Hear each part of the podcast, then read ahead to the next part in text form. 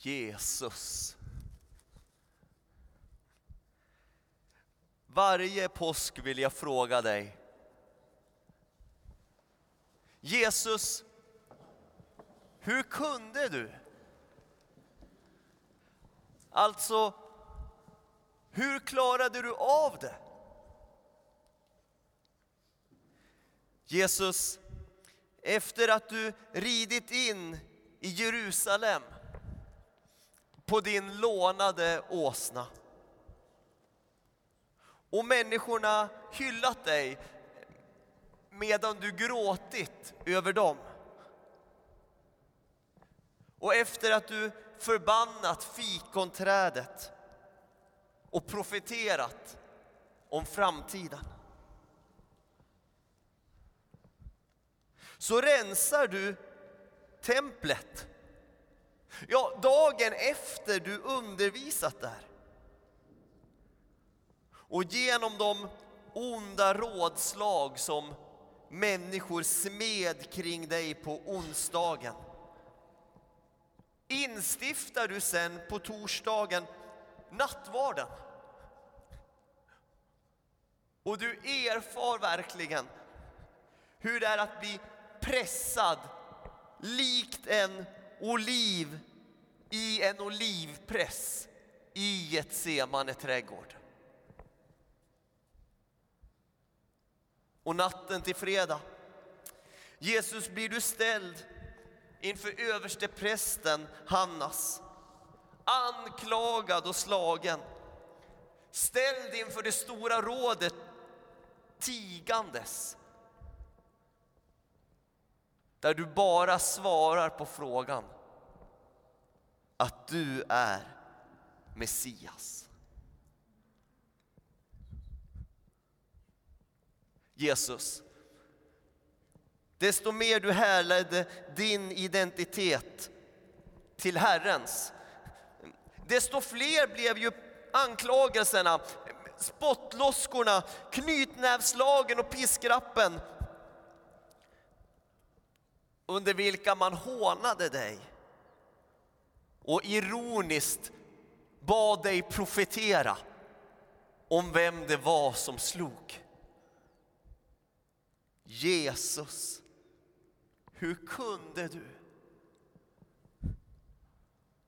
Jesus, jag vill fråga, hur kunde du bekänna din identitet inför de högste i Jerusalem?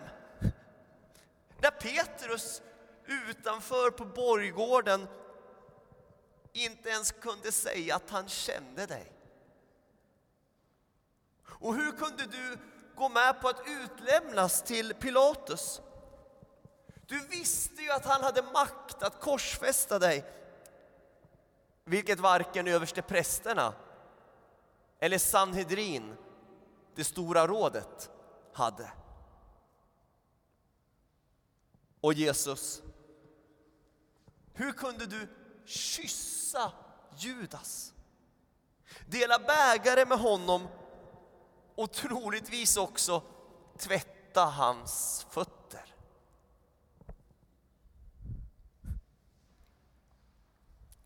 Jesus, hur stod du ut med Herodes hån? Pilatus, han kände i varje fall viss eh, medömkan för dig. Även om varken Herodes eller Pilatus valde att stå upp för dig. Trots att de såg ju att du var oskyldig.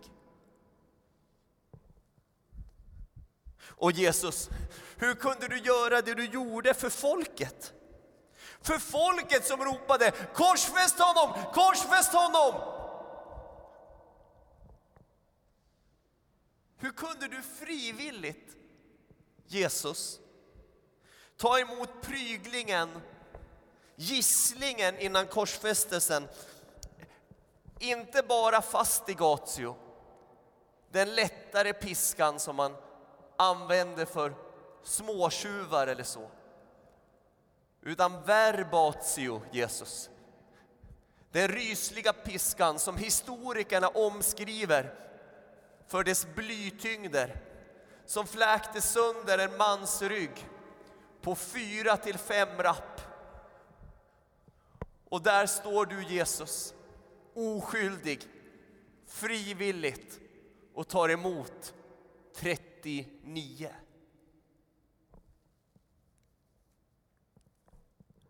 Jesus, hur kunde du välja korset?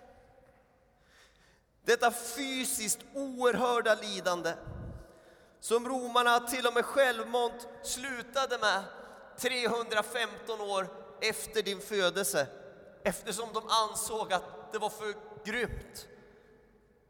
Och det ännu svårare psykiska lidandet där du överges, sviks och utlämnas. Och det omätbara andliga lidandet där du bär världens synd i dig och ropar Eli, Eli, lema sabachthani. Min Gud, min Gud, varför har du övergivit mig? Jesus, hur kunde du? Du som sa till rövaren som omvände sig bredvid dig. Sannerligen, redan idag ska du vara med mig i paradiset.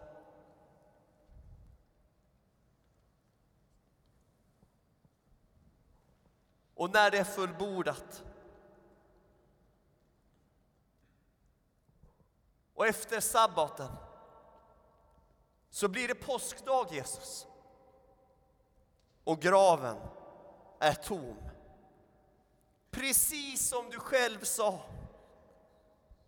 Du har uppstått från de döda. Jesus, du lever. Åh, Jesus.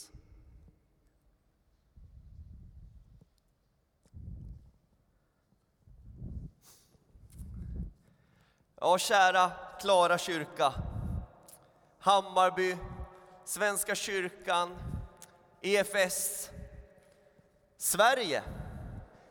Hela världen behöver få höra att i gryningen kom Maria från Magdala och den andra Maria till graven. De var där i stillhet men livet blir ju inte alltid som man tänkt sig. Det vet ju du också, att det inte alltid blir som man tänkt sig. Den här gången blev det änglabesök, stenbortrullning och jordbävning. Det blir inte alltid som man tänkt sig. Men jordbävningen rullade inte bort stenen. Det hörde vi i evangelietexten som jag fick läsa här framme. Om det fanns något samband, ja, då kanske ängens stenbortrullande ledde till skakningarna. Oavsett, vet ni, jorden skakade både på Jesus kors, när han korsfästes och när han uppstod. Inte ens jorden kunde vara tyst om uppståndelsen. Om inte jorden kan vara tyst, hur ska då vittnena kunna vara tysta? Fast egentligen hände ju bara det självklara.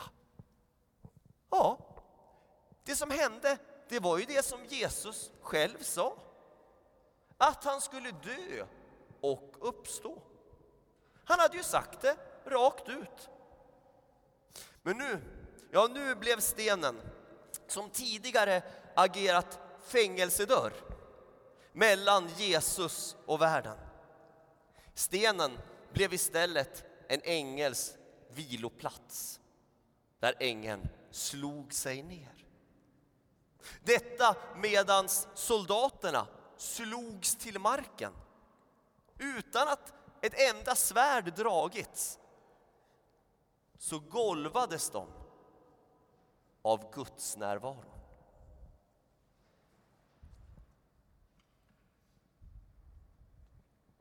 Har inte du också ibland, som man lätt kan göra i vers 2 här, när man läser om att stenen rullas bort.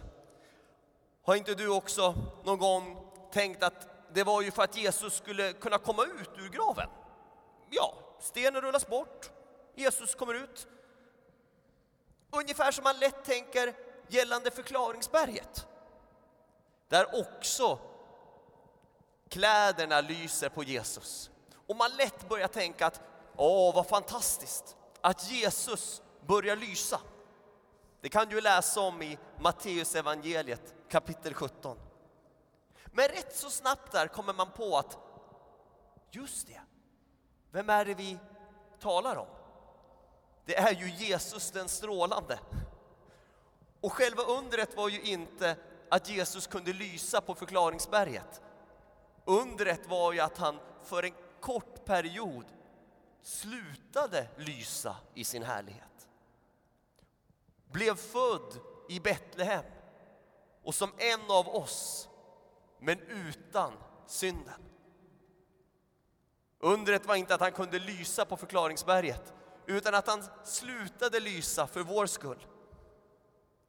Det var nog inte så att stenen här blev bortrullad för att Jesus skulle kunna komma ut. Tro mig, han har obegränsade rörelseförmåga. Helt obegränsad i sin uppståndelsekropp. Varför rullade stenen bort? Tänk om det var för att vi skulle kunna titta in. För att världen skulle få se att graven var tom. Till och med detta för vår skull. Först ut var ju de trogna vid graven, kvinnorna och soldaterna som kanske lagt honom där till och med. Ja, soldaterna om de nu kunde vrida sig lite där de låg golvade i Guds närvaro och titta in. Det var viktigt att vi fick titta in. Var det inte Charles eh, Spurgeon som sa att på 20 öronvittnen går det ett ögonvittne. Vi människor har stor tillförlitlighet till vad vi ser. Och när vi såg var de lagt honom, då såg vi att Fadern var trofast mot Sonen. Vi såg att döden är besegrad. Och vi förstår att vi har en levande vän och räddning, Jesus, som har uppstått.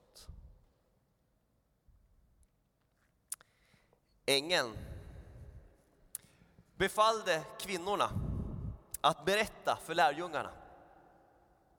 Petrus och apostlarna, de fick gå i ja, Maria Magdalenas skola. Hon som genom sitt mod hon ville ju offentligt visa sin samhörighet med Jesus när hon gick till graven. Genom sitt mod fick hon det här uppdraget. Och det är ju ofta så att om man vill vara snabbfotad för Jesus, då möter man honom vips, både här och där. Och så var det ju också denna gång. När de är på väg för att berätta, då är Jesus där. De möter honom på vägen. Var inte rädda. Och Maria och de andra, de kan liksom inte längre stå emot. De kan inte stå emot Jesus hjärta. Utan de faller ner vid hans fötter och tillber honom. Och Jesus tar emot deras tillbedjan. Och det visar att han är värden och avslöjar vem han är. Bara några timmar tidigare trodde de väl att allt var kört på grund av att Jesus var död. Och nu börjar de istället ana att allt är vunnet genom hans död och uppståndelse. Du som tänker att allt nog är kört på grund av det ena eller det andra eller tredje. Välkommen idag att börja ana att allt, allt är vunnet. Men helst skulle jag skippa den här sista delen av predikan. Men det finns tyvärr ett men också i denna text på denna dag.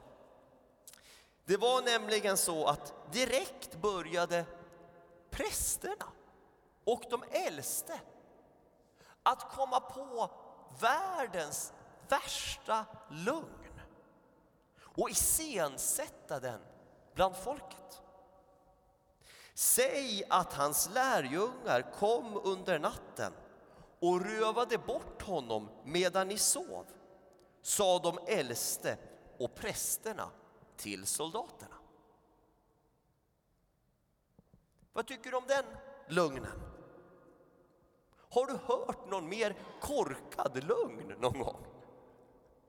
Ja, det som var värst med den, det var ju att man ljög om sanningen. Och man ljög om honom som är sanningen. Men lögnen var ju också så IQ-befriad. Eller hur? Lyssna på den en gång till. Säg att hans lärjungar kom under natten och rövade bort honom medan ni sov. Ja, om de sov, hur skulle de då kunna avgöra vem det var som tog kroppen? Eller? Så korkad lögn. Och ändå vann den sån spridning. Kanske du har hört den lögnen? Att det bara är en saga att Jesus har uppstått. Då inbjuder jag dig att studera bevisen för att graven var tom. Vad som hände runt detta. Alla som mötte Jesus och alla som möter honom. Välkommen att studera bevisen för Jesus uppståndelse. Då kanske du som någon har sagt motvilligt blir en kristen. För man förstår att det är sant. Enda alternativet, det är att alla får veta sanningen. Som min granne sa när hon fick bli fylld av den helige Ande. Hon sa, det här är ju så bra så alla borde få veta det. Hon hade inte kyrkiskan i sitt vokabulär. Men hon sa sista meningarna i Matteus evangeliet, missionsbefallningen. Eftersom Jesus har all makt skall alla folk få alla bud och vi ska se hur han är med oss alla dagar tills tidens slut. Så kom med mig så ska ni i den sista delen av predikan få träffa ett par som har märkt att Jesus har uppstått. Häng med! Så bjuder jag fram Elias och Daniel.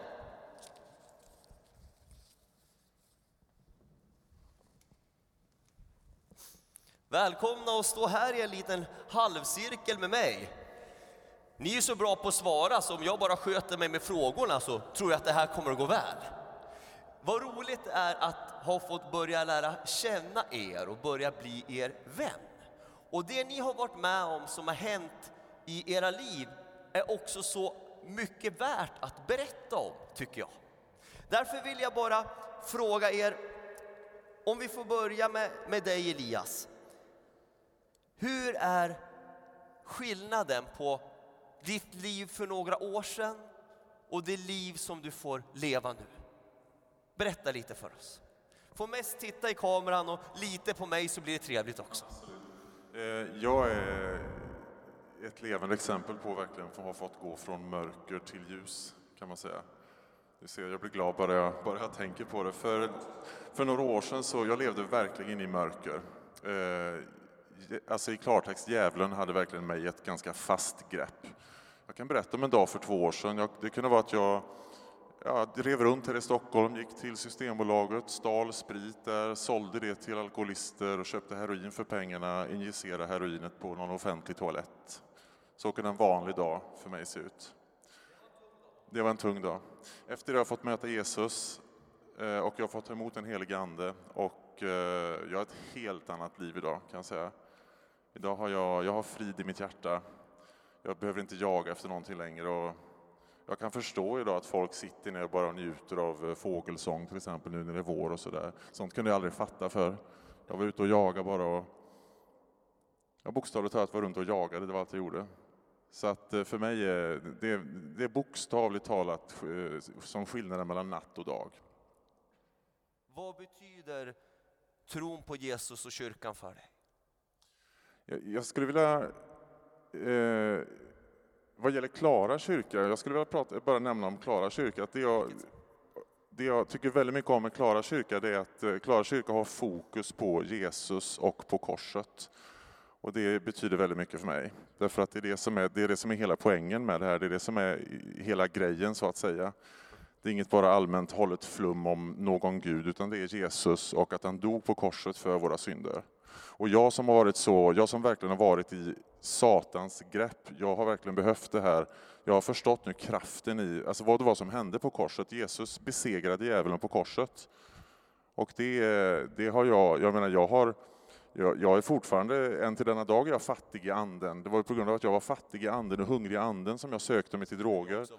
Ja, än till det, jag är fortfarande, jag tackar Jesus att jag fortfarande är så pass hungrig i anden som jag är, men då kan jag, när jag har liksom, om jag har bekymmer och så, då, då kan jag tillämpa korset, bokstavligt talat tillämpa korset, det är vad jag gör.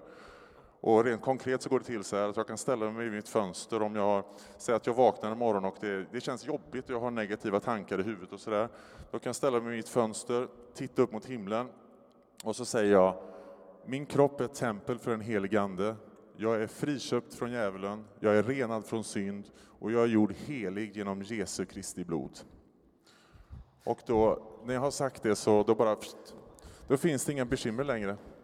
Sen kan, då, sen kan bekymren komma tillbaks efter 10-20 eh, minuter, ibland bara 5 minuter, men då säger jag det en gång till och så försvinner det återigen. Du lever i bön och jag minns när vi bad en gång tillsammans i kyrkan och det var fantastiskt för bönen Guds ande blev så stark i bönen och du sa till och med till mig vid ett tillfälle, oj, kände du det Mats? sa du. Det är fantastiskt att få lära känna dig, be med dig. Så glad, vi är så glada för dig Elias.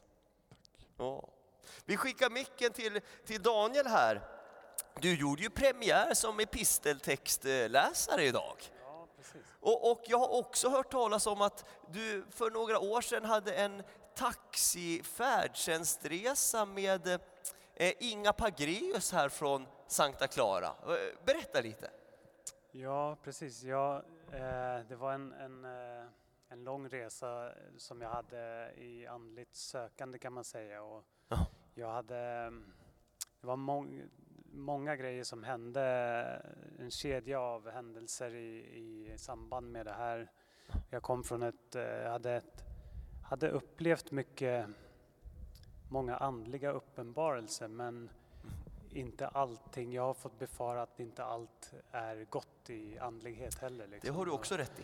Så i, under de här dagarna, under de här, det här skedet så var det mycket som brakade ihop och eh, eh fick flera tecken på att liksom hur Jesus agerar frälsare i det vardagliga livet liksom och kliver in genom hans tjänare som är lojala, lojala människor som talar om honom precis som vi gör nu. Så bara att jag står här också är ett, ett jag hatar um, egentligen att stå och synas. Jag vill inte synas egentligen men jag gör det för honom nu liksom för, för att uh, ja, stod, han, han, vad han stod ut med. Liksom. Och, Man brukar ibland säga att de bästa talarna är de motvilliga, för de mm. står inte där för egen skull. Mm.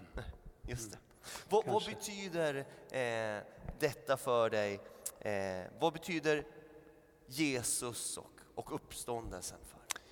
Ja, precis. Jag ska bara nämna att eh, med Inga där, när Ja. jag mötte henne i taxin också, så vill jag bara säga det att hon eh, är tacksam för att hon, eh, hon var där och kom med sån, sånt gott, härligt ansikte av, för, Ja. för Gud och ehm, ja, hon gav svar på många, många utav frågor som jag hade haft utan att jag kommer ihåg exakta orden och det så var det bara som ett svar som dök upp där. Jag kan Eh, också kommentera eh, Inga, jag tycker att hon försöker ta vara på varje tillfälle. Mm, Och tänker när hon har ett litet möte eller ett långt möte med någon att nu kan jag ge något gott från Jesus till verkligen, den här personen. Och det är så roligt sätt att leva. verkligen, verkligen. Uppståndelsen i Jesus. Yes. ehm, hur jag märkt att han är uppstånden. Uppstånden. Ehm, jag har haft flera ska säga, möten, eh, besök av, av Ja. Jesus i, i anden. Ehm, och det är lika äkta som att vi umgås här och nu. Eh, det, och jag skulle beskriva det som eh, det är svårt att beskriva det, men det är som att eh, man får ett besök av det allra käraste gamla, en ga- gammal god vän, det go, det go, det, den bästa människan, eh, den bästa personligheten som man kan ha. Kan ha.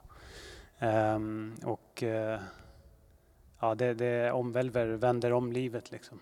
Ehm, och ja, fri, ger frihet från begär och eh, lugn och trygghet trofasthet, kärlek. Fantastiskt att ni vill berätta det här för oss alla. Och eh, jag har fått frågan flera gånger nu på sistone och kanske också tankar från människor. Kan man då fira påsk i coronatid? Ja, faktum är ju att påsken är van att omgärdas av svåra omständigheter. Tänk till exempel när Israels folk skulle ut ur Egypten. Då var det slaveri, det var plågor, det var hot. När de väl kom iväg så hade de faraos armé efter sig och bland annat ett hav framför sig som de skulle igenom. Dessa hundratusentals människor. Men den historien slutade med Herrens storhet. Och så gjorde också Jesus påsk. Den slutade med hans storhet. Och så ska också vår påsk få vara och sluta. Med hans storhet. Den uppståndnes storhet, ära och omsorg skall nå till alla genom allt in i himlen. Amen.